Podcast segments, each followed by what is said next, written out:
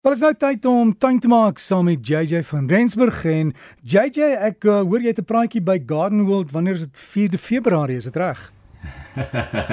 Goeiemôre Dirk. Ja nee, dit is eintlik goeie nuus. Ek is op pad Suid-Afrika te vir 'n klompie praatjies te dank aan Protec en ja, ons is nou besig om alles te bevestig. So hou my Facebookblad dop vir besonderhede in Nelspruit, daar by Garden World en uh, natuurlik in Mulderstrip, Pretoria, Mosselbaai en ook daar naby in Kaapstad. So ek gaan reg oor die land reis Ek gaan begin in Nelspruit en dan gaan ek eindig in Kaapstad, maar ja, daar's is nou 'n paar wat nog bevestig moet word en hou maar net die Facebook dop en dan behoort jy dit sommer daarso te sien. Gaan ek jou nie uitlees sien hierso?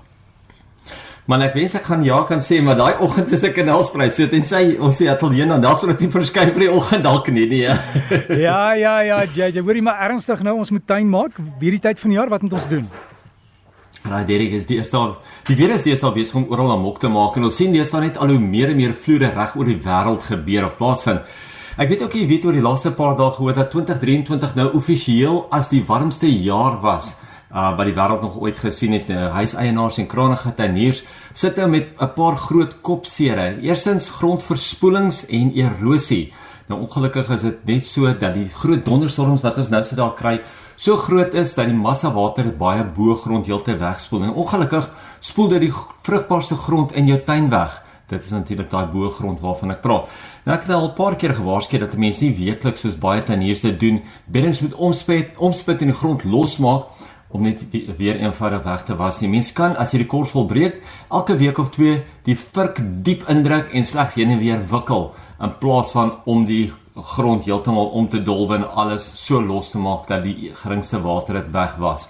Natuurlik is dit baie raadsaam om ook jou tuin waar moontlik 'n terrasse te omskep om die water se spoed te breek en dan kan ons ook weer produkte gebruik om die grond vas te hou, soos byvoorbeeld met klippies en plaveisel of iets van daai aard. Wat van 'n klompie grondbedekkers of hoekom maak ons nie van plante se wortels ook gebruik om die grond vas te hou nie? Grondbedekkers werk baie goed, dit sal as 'n baie goeie deklag dien, sal onkruide beheer en ook baie help teen gronderosie. Maar soos ek nou net gesê het, groter bome en struike help ook om grond vas te hou. Ons moet ons grond wat ons in is, moet ons hou vir onsself. Die tweede probleem is natuurlik loging. Nou loging is 'n proses waardeur die voedingsstowwe eenvoudig dieper in die grond inwas en verlore gaan. So dis die wegwas van voedingsstowwe. Dis jy som die rede om hierdie rede dat mense jou tuin gereeld met kunsmis moet voer of so gereeld ook met kompos moet inwerk. Presies dieselfde gebeur met grond in ons potplante. Nou gereeld gebeur dit dat ons met ons potplant 'n lelike breinkol onder die potplant kry. Elke keer as jy hom nat gooi, dan loop hy brein water onder die potplant uit en dan vlek dit die stoep. Nou meeste organiese materie en bemestingsstowwe sal stelselmatig afbeweeg in die grond in en dis hoekom 'n mens so elke 6 tot 8 weke jou plante moet kos gee. Jy kan sommer ietsie maklik soos 'n flower power of 'n guano gebruik wat effens stadiger vrystellend is ook. Die laaste probleem waarmee ons sit is plante wat versuip. Ja, ongelukkig as jou grond 'n hoë klei-inhoud het, dan staan jy 'n baie goeie kans dat jou plante gaan versuip. Nou baie watertafels het ook nou vinnig opgetel en ja, nie alle plante is plante wat in water wil staan nie of nie alle plante is waterplante nie en hulle sal dan vinnig vrot. Tekens dat jou plante versuip is wanneer die blare pap op die plant, plante self hang en in baie gevalle is die blare ook nie mooi donkergroen nie maar eerder 'n bleek geelgroen kleur. Nou met dit kry ou mense ook 'n swamsiekte genaamd wortelvrot wat mense maklik met iets soos MycoGuard of so kan behandel. Die potplante wat nie meer goeie dreinering het nie of waar die gate van geblok is, sal ook presies dieselfde tekens toon. En dit is dan wanneer ons die dreinering in die potte self moet regkry. Maar ja, ons moet uitkyk na wat die reën en wat die weer aan ons tuine doen en hoe dit ons tuine gaan wel benadeel al klaar soos dit is en hoe hulle die tuine verder gaan benadeel. Ongelukkig sê hulle dit is een van die warmste somers wat ons ook nog gaan hê verder. So ja, wees maar gereed dat jy 'n baie warmer somer gaan hê, baie groter donderstorms en natuurlik 'n um, groter probleem gaan hê om jou tuine nat te hou as jy nie voorbereiding tref nie.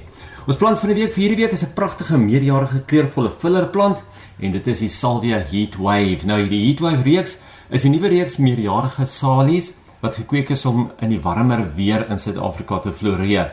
Nou vandag praat ek spesifiek van die Heatwave Blaze. Is 'n variëteit wat rooi pink blomme dra vanaf vroegsomer tot in die herfs. Nou, is 'n lekker kompakte groei groeiwyse aan hom. Hy groei so om en by 3 kwart van 'n meter hoog, so 75 cm en om en by 'n meter wyd. Nou die salies groei die beste in die volson maar hy kan ook effens skade hanteer en gelukkig kan hierdie ene ook baie goed groei in 'n droër tuine. Maar die beste gaan wees as jy wel jou salies gedurende die groeiseisoen elke week of twee baie goed kan nat maak. Probeer om hulle dan ekstra baie water te gee om al daai blomme daai nuwe groei natuurlik um, te aan te help. Natuurlik is salies ook immergroen en lekker gehard. Hulle kan ligte tot matige ryp hanteer. So gaan kyk jy uit vir die heatwave, maar gaan vra 'n bietjie vir hulle, jy wil kyk hoe lekker daai heatwave bly is variëteit. JJ, alles van die beste en lekker werk vir die res van die dag. Ek sê vir baie baie dankie. Julle moet ook 'n lekker dag daarso hê en ek sien meeste van Suid-Afrika so begin van Februarie.